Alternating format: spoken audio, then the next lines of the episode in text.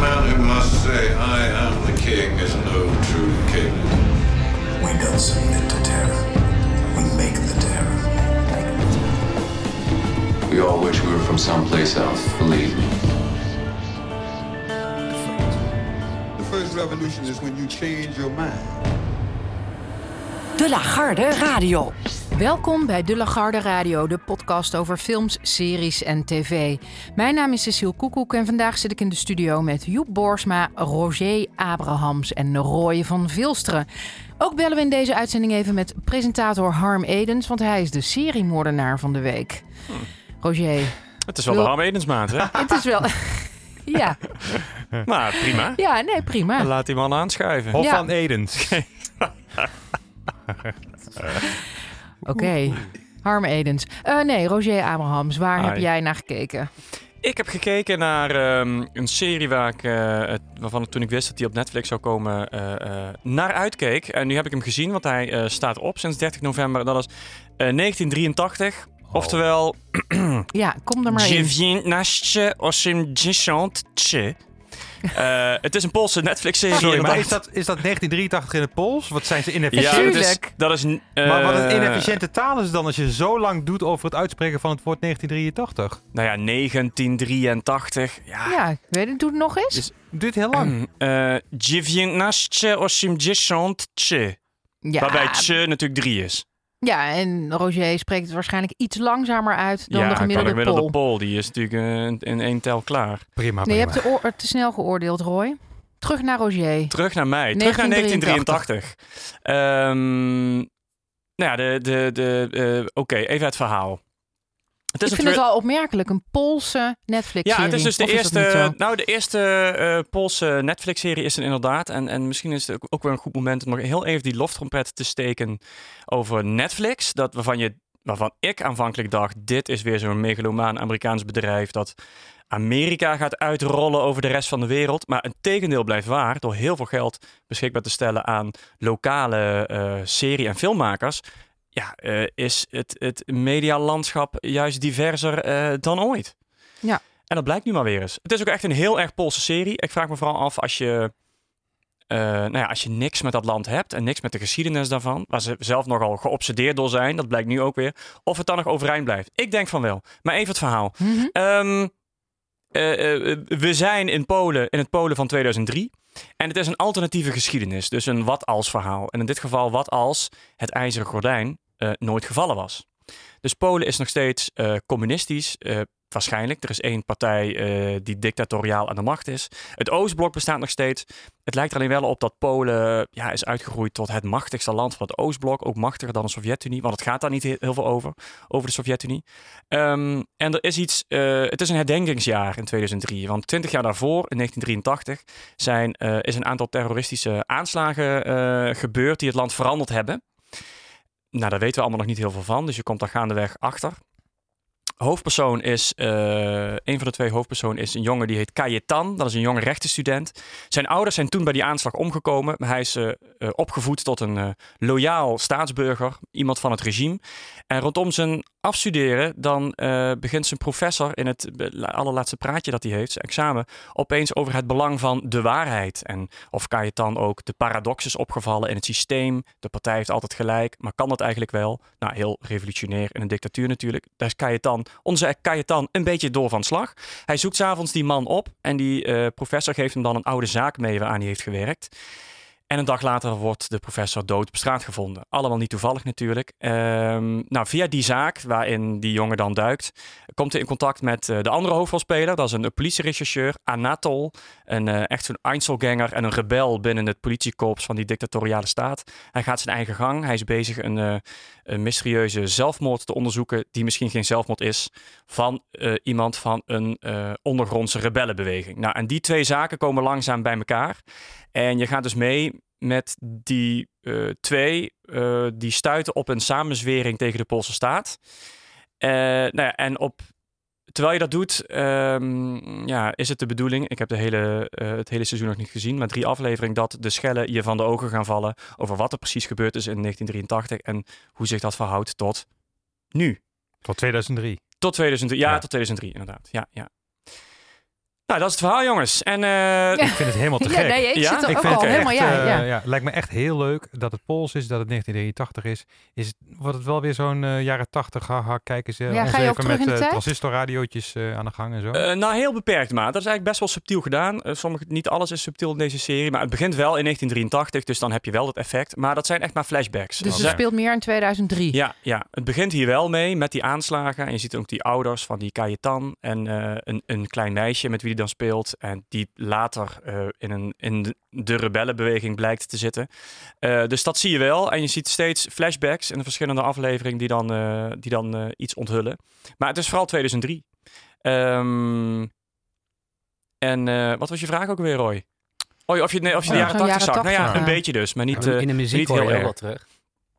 in de muziek van de 1983. Oh ja, je hebt ook je hebt de eerste aflevering gezien of een stuk gezien. Mhm. Ja, viel je dat op? Ja, zeker. toch? Synthesizer natuurlijk. Ja, dat hoor Ja. je enorm terug eh, Ja. in Ja. de serie. Wat jij zei trouwens over Netflix als, eh, als eh, soort cultuur-imperialistische bolwerk, wat het dan niet bleek, want eh, iedere land heeft zijn eigen Netflix-serie.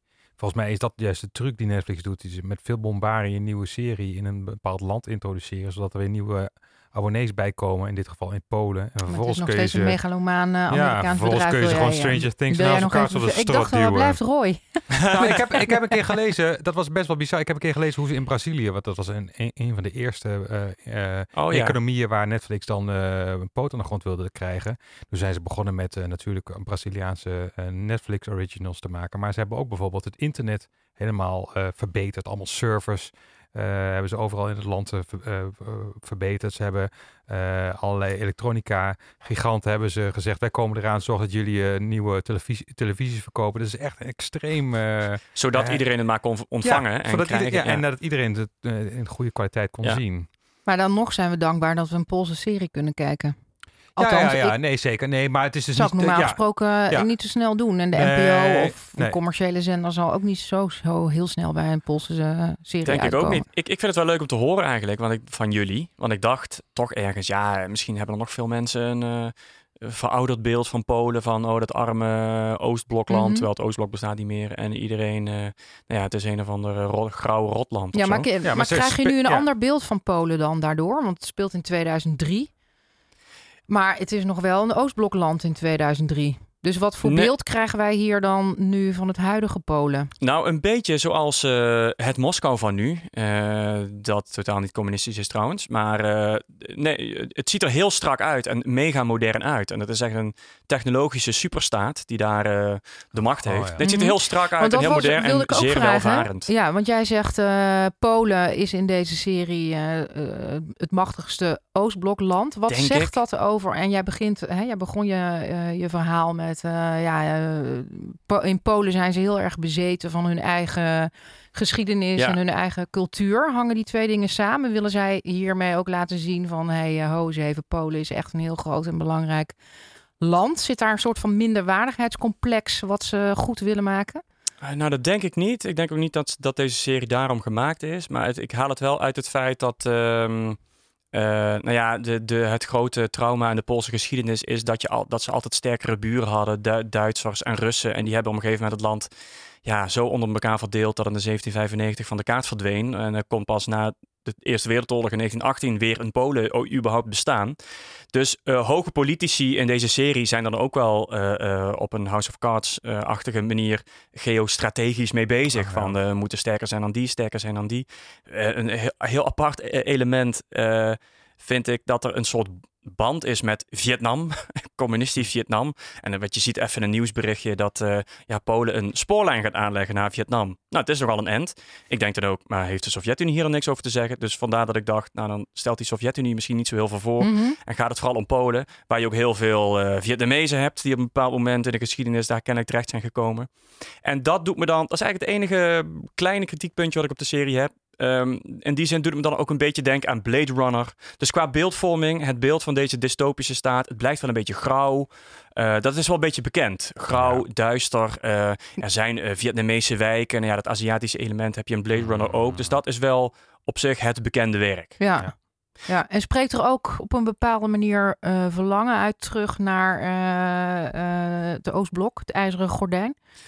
Nee, dat niet. Maar ik, eh, je, kunt, ja, je had ook die serie, eh, was het Amazon Prime, eh, The Man in the High Castle. Ja.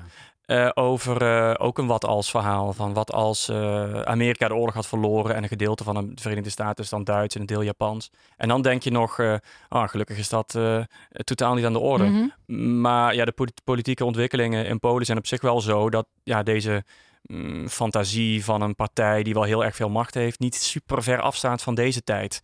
Eh, dus, maar ik vraag me af of dat dan. Dus dat zou, daar zou een kritiekpunt in kunnen liggen van de makers op de huidige Oh, ja. eh, politiek in Ja. Polen met de PIS, die Ja. eh, de rechterlijke macht in handen wil hebben en dergelijke. Maar eh, ik vond het heel erg spannend en ik ben vooral heel erg benieuwd van ook als je die, nou ja, als de, de, de hele Poolse eh, eh, laag eraf haalt, voor zover dat kan, of het dan Mhm. nog spannend blijkt. Maar Nou, want jij bent sowieso... Ja? Want jij hebt Ja. sowieso een interesse in Polen. Ja, Ja, jij zegt... Ik, eh, ja, ik heb nu één aflevering gekeken. En eh, ja, ik, eh, ik, ben, ik, ja, ik ga vanavond sowieso doorkijken. nou misschien de luisteraar ook wel. Ja, ik ben ook heel benieuwd. Ik ben ook heel benieuwd. 1983 te zien op Netflix. De nacht van de radio. De seriemoordenaar van de week. Stel je voor, je wordt naar een onbewoond eiland gestuurd met genoeg eten voor 80 jaar en een smart TV op het strand met vijf tv-series. Welke vijf series zou je selecteren? In de vorige editie gooide Barto Braat Seinfeld eruit en zette Jewel en The Crown erin. Dus nu zitten we op het eiland met Floris, Ik weet wie je bent, The Wire, The Office en The Jewel in The Crown. Wat kan weg en wat moet erbij? Vandaag is Harm Edens onze seriemoordenaar. Zeg eens Harm, welke serie neem je mee en welke gooi je in de zee? Laten we met het laatste Oh, beginnen. welke moet eruit? Eh, nou, dat is moeilijk. Eh, ik vind The Wire eh, misschien toch maar The Office. The Office. En waarom? Ja, nou, een keer bekeken, best af en toe gelachen. En de tweede keer ben ik nooit naartoe gekomen. Dat ga ik op een onbewoond eiland zeker niet doen. Nee, nou, dat zegt genoeg. En welke serie moet erin? Ja, ik zat enorm te twijfelen. Cheers is de beste comedy aller tijden. Ehm, ehm, Breaking Bad vind ik heel erg leuk. Maar het is toch geworden omdat er ontzettend goed geacteerd wordt. En ik vind het grappig en gruwelijk tegelijk. Six Feet Under. Six Feet Under. Ja, goeie. Ja, nou, je zei net al in het kort waarom, maar misschien kan je dat nog wat verder toelichten. Nou ja, dit gaat per keer over een eh, sterfgeval, daar begint het mee. En de mensen komen op de meest belachelijke manieren om het leven. Het record is wel iemand die buiten staat te bellen terwijl er iemand in de keuken met een scherp mes bezig is. Dan denk je, in de keuken gaat dood. Maar dan wordt buiten, die staat te bellen, getroffen door een bevroren, chemisch uit een vliegtuig geworpen toiletvulling. En dat is zo bizar. Dat Het is nou heel ja, absurdistisch. ja joh, nee, maar ook gewoon echt waar gebeurd. Ja. En dan eh super goed geacteerd, prachtige make-up. Dus de, de mensen zien er zo menselijk uit. Nou, dat kost uren smink. en het, het is van de meest absurd grappige afleveringen van eh, een mevrouw die zich op de kist stort. Dat heet dan de zogenaamde casket climbers. Die, die duiken dan op het lijk ah, in een soort rouwverwerking. Tot de meest gruwelijke aflevering waarin David door een, eh, een lifter die hij meeneemt dagenlang gegijzeld wordt. En totaal geterroriseerd en getraumatiseerd. Dan schrik je je thuis echt helemaal door midden zo, zo fantastisch ge- Ja. gespeeld. Ja, de- eigenlijk de beste serie die ooit gemaakt is, vind ik. Nou, prachtige woorden, eh, eh, Harm. We zetten hem in de top 5, Six Feet Under. En, en wee geweten wie hem eruit zou Ja. Dan wil ik meteen weer meedoen. Ja. Dus Dan bellen we je meteen weer. Terug. Hey, en jij Heel bent goed. zaterdag te zien in de finale van TV-kijker van het jaar. En volgende week in de Clinic Clowns Show. Zet hem op. Allebei op NPO Ja. 1 en allebei om half negen. Ja, het is echt een uh, harmmaandje geworden. Ja. Dus, eh, Nou, oké. Hey, dankjewel. En eh, wellicht tot de volgende keer. lijkt me leuk, dankjewel. Dag. Dag. Joep, we hoorden jou al even. Wat wil jij graag met ons delen? Ja, heel iets anders dan eh, wat Roger heeft gekeken. Maar dat is eigenlijk een Dat is soort... juist leuk. Ja, ja, ja. Dat is nou, juist leuk. Ja. Juist leuk. We sandwichen elkaar helemaal. eh, Nou, ik denk dat in 2007, toen, eh, toen eh, nou, ik werd eh, Comedy Central volgens mij in Nederland uitgerold. En daar was toen eh, Family Guy te zien. En dan raad je het al, ik wil heel graag over Family Guy hebben. En een soort kleine ode aan die serie brengen. Ik, eh, nou, ik kijk die serie al echt, nou, ik weet, echt heel en heel, heel lang. En die bestaat ook al 100 jaar, of niet? Ja, nou, het bestaat vanaf eh, sinds 1999 is te zien. Ja, want Oh, is er een nieuw, nieuw seizoen? Ja, er, eh, seizoen 16 Want alweer. er is een aanleiding natuurlijk. Ja, Zo. Je hebt, je hebt eindelijk een aanleiding over, ik heb eh, eindelijk over, aanleiding. want Ik heb dit Family al Guy. vaker willen bespreken. Seizoen 16. Seizoen 16, ja, dat is echt niet normaal. Echt, het, is echt, eh, echt heel, het zijn ook heel veel afleveringen per seizoen. Ik heb ze ook allemaal gezien. Eh, Zijn er hier meer mensen in deze ruimte die alle seizoenen hebben gezien of een seizoen hebben gezien, liefhebber zijn van Family Guy? Nee. Nee, je staat hier alleen. Dus ik sta hier helemaal alleen. Ik weet het ook wel. Want Ik heb het- wel sympathie. Ja. Nou ja, het is, het is ook wel natuurlijk iets... eh, het is natuurlijk een eh, comedy-serie, dus het is, het is best wel Een gewaagd. sitcom? Nee, nee, het is een animatieserie. Ehm, maar goed, het is natuurlijk ook best, ja, het is natuurlijk humor. Ja, Je het is humor en ik, je, moet van. natuurlijk, je moet er natuurlijk van houden of niet. Maar goed, Family Guy is dus een Amerikaanse animatieserie over een familie in een fictief stadje Quahog. Eh, waar eh, Peter Griffin samen met zijn vrouw eh samenwoont. En ze hebben drie kinderen, Chris, Mac en Stewie. En een hond, Brian. En de baby, Stewie in dit geval, die kan praten. En de hond kan ook praten. Maar niemand weet of, je, of zij die baby Stewie echt kunnen verstaan of niet. En Stewie is een hele slimme baby. Die kan ja, heel veel dingen uitvinden. Die kan eh, door tijd heen reizen. En Brian die, eh, ja, die profileert zichzelf als, eh, als, als schrijver. En hij probeert heel veel vrouwen mee te versieren. Maar dat lukt hem gewoon totaal niet. Een beetje Amerikaanse dikzak, toch? Nee, dat, dat is Peter Griffin dus inderdaad. Die wordt heel erg geschetst als een Amerikaanse ja, dikzak. Hij werkt Ja. ook in een bierbrouwerij. Family Guy fans die denken, mijn god, dat deze arme jongen dit nog uit moet leggen. Ja, dat En die is- Ja, ik, maar ik, ik ben er wel blij mee dat je het uitlegt. want ik, Ja, ik zit ik, wist het allemaal niet. Nee, maar goed. En eh, ja, deze serie is dus bedacht door Seth, Mac- Seth MacFarlane. En deze man spreekt ook van Peter, Stewie, Brian en Quagmire de stemmen in. Vier verschillende soorten stemmen. En wat natuurlijk ook ongelooflijk knap is. En deze man is televisieproducent, komiek, stemartiest, filmregisseur, filmproducent, scenario-schrijver, animator en zelfs zanger. Dus wat kan deze man eigenlijk niet? Dat is echt hè, Een ongelooflijk. heel bekende naam. Ja, hij heeft ook onder andere eh, een film uit- uitgebracht die wel misschien mensen hebben gezien. Ted, over een, eh, ja, toch wel een Mhm. brutale teddybeer. Maar goed, en Peter die beleeft eigenlijk in elke aflevering met zijn vrienden Joe, Cleveland en een oversexte buurman eh Quagmire. Ja, steeds avonturen wat zich in, in, een- in een lokale kroeg afspeelt. Ehm, maar goed, ik, ben dus, ik ging dus eh, seizoen 16 kijken en die, die werd al eigenlijk uitgezonden op Comedy Central. Dus eigenlijk lineaire televisie liep voor op Netflix in Nederland. Dus dat is ook wel weer grappig. Maar ik ging er dus... eh, ja, ik heb toch niet alle afleveringen ervan gezien. En dat bleek, want ik was dus... eh, ik begon dus met, eh, met een aflevering. En, en er is dus een hele bekende aflevering van, van Family Guy... dat Peter Griffin wordt ontslagen in de bierbrouwerij. En toen dachten ze dus in die aflevering... wat als ze deze aflevering nou opnieuw eh, namaken... maar dan met de oog van drie bekende regisseurs. Dus onder andere Quentin Tarantino, Wes Anderson en Michael Bay. En Michael Bay die heeft heel veel films gemaakt zoals eh, Transformers en Bad Boys... waar heel veel explosies altijd te zien zijn. En dat is best wel grappig. Maar toen die aflevering dus begon... eh, doet Peter Griffin alsof hij een belletje heeft gekregen van Paul Verhoeven. Ze hebben drie, alle drie een aflevering gemaakt. Ja, nou dat doen ze. Of- Ze, doen, eh, ze, ze tekenen die aflevering in de stijl van Quentin Tarantino, dan in de stijl van Wes Anderson Oh, oké. en dan in de stijl van. Michael Bay. Ja. Maar die aflevering, dan hoor, die begint dus met dit. Hi there, it's me, Peter. You know, when it comes to making dreams come alive, there used to be nothing like the movies. So we thought it would be fun to ask a few visionary Hollywood directors to create his, let's be honest, his own unique version of the same Family Guy story, Peter Gets Fired. Of the countless directors we contacted, three did not say no immediately, and I got a weird message from Paul Verhoeven that I could not understand. Ah, Piotr, habenski Vermhoven. Kibbens me comfortable. Stop. I've listened to that over a hundred times now. I, I got nothing. Ja, nee, Paul Joep, je kan weer praten. Ja, nee, ik vond het, dat vond ik dus heel aardig. Dat vond ik best wel grappig. Ik dacht, hé, ik hoor opeens uh, doe dat ze nou, toch een, eh, een eh, Nederlander proberen na te doen in zo'n grote Amerikaanse serie. Dus dat vond ik heel erg grappig. En deze serie, ze hebben ook altijd heel erg geprobeerd om een eh, Emmy te winnen. En in de eerste aflevering van dit seizoen gaan ze dus uitleggen waarom zij een Emmy horen te verdienen. En zeggen ze, ja, nou, misschien moeten we wel gewoon Modern Family na gaan doen.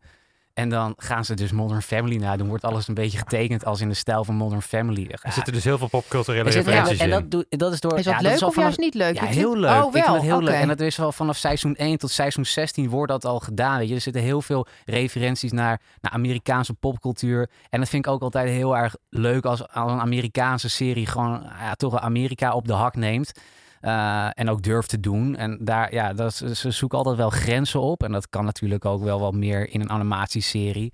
Past heel erg bij eh The Simpsons en South Park. Ja, dat is ook betreft. leuk. Want ze, ze, dat, je hoort ook heel veel grapjes. Bijvoorbeeld eh, van, ja, wat zou je kiezen? The Simpsons of Family Guy? En dan maakt ze zelf ook heel veel grapjes in die serie. Serie van. Maar ik wil nog één stukje aan jullie laten horen. Wat ik zelf ook heel erg grappig vond. Is dat. maar dit stukje dit hoorde ik dus vanochtend in de trein. Toen ik eh, naar werk toe ging. Toen. ehm, dan gaat Peter Griffin met zijn vrienden. Willen ze Rocky 4 gaan kijken.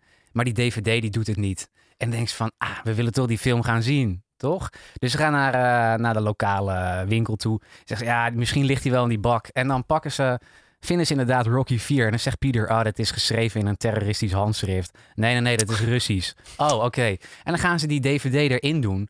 Maar wat blijkt, Rocky die wint niet, maar Drago die wint. En, en zegt ze, ja, dat klopt niet. Ru- Rusland heeft, eh, heeft dit weer, eh, ja, deze, deze hele film verneust. Russische beïnvloeding. Gemanipuleerd. Ru- Ja, en dus gaat Peter Griffin dus Poetin mailen. Nou, een uur later staat Poetin voor zijn deur. En die zegt, nou, kom, laten we dit maar even uitvechten. En dan gaan ze het uitvechten. Maar hij kan niet winnen, want Peter Griffin wordt vastgehouden door de beveiliging van Poetin. En dus wint Poetin het gevecht. En dan zit hij later met zijn vrienden in de kroeg dit verhaal te vertellen. En ehm, nou zegt hij, eh, Poetin, hé, hey, Peter, je hebt wel goed gevochten. En eh, vervolgens hoor je dus dit fragment. Crazy, but it's such a nice day. I was kind of thinking of taking my shirt off and riding a horse there. Get out! That's totally my thing! En dan rijden ze over straat. The En op sun blote feels borst. good on my drunk chest. You know what? You're a good guy, Peter. Friend? How do you say friend in Russian? There is no Russian word for it. Well, you're my friend now. Ja, goed. hè. Ja, weet je, het- ja, Niet alleen Amerika wordt op de hak genomen, maar ook Rusland. ja en wel, en wel en, ja, veel meer eh, bekende acteurs, schrijvers, eh, van, van, van alles wat. En het, eh, ja, het, het, het is altijd wel, het- ik vind het altijd wel een fijne serie als je gewoon even niks te kijken hebt. Kijk er gewoon naar. Het duurt 20 minuten, weet je wel. Dus eh, Het klinkt een kans. beetje als het laatste seizoen waarin ze alles uit de kast halen. Ja, maar dat is ook wel heel erg Is leuk dat dat je zegt. Want ik denk, dat, ik denk dat eigenlijk altijd. Want ik, denk, ik vind elk seizoen ook beter worden. Ik denk, nou, nu is het wel, eh, weet je, nu is het wel gedaan. Mhm. En, en deze serie is ook natuurlijk omdat, het, ja, weet je wel, het is een vrees.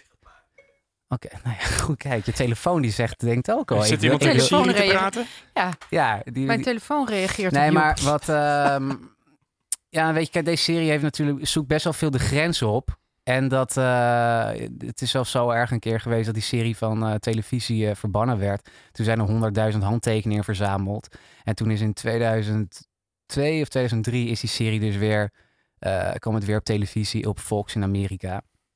En eh, ja, dat, ja, ja, kijk het. Oor, ja, ik ben heel benieuwd wat jullie er ooit een keer vinden. Want ik ben er een heel groot fan van. Ik heb alles ervan gezien. En eh, ik, ben, ik vind zelf anim- animatieseries wel leuk, zoals BoJack Horseman of eh, waar Roy ook een groot fan van is. Maar Family Guy, ja, ik is- denk dat eh, Roger en eh, Roy dit ook best wel een leuke serie vinden. Wij niet, gaan kijken, Joep. Wij gaan ik heb al zo'n flat gezien. Op een of andere manier kom ik er niet in. Heel raar is dat. Ja, dus ik moet er gewoon even, ik moet even doorkijken. maar je kan het ook Maar wel dan moet je dus 16 seizoenen door. Nee, maar dat is ook Nou, leuk. Je, je, nou, je kan ook, je nee, kan ook bij seizoen maakt niet uit. 16 beginnen. Ja. Ik heb volgens mij nu, eh, je, hebt, eh, je weet nu wie wie ongeveer is. Dus eh, ja. Oké. Family Guy. Ja. Vanaf 1 december op eh, Netflix. Of sinds 1 december op Netflix te zien. Waar moet jij zo lachen, Nou, Roy? Julius van de techniek die zit de hele tijd van die afrondende Ja, gebaar ja, te maken. En maar wij lullen maar door. maar door.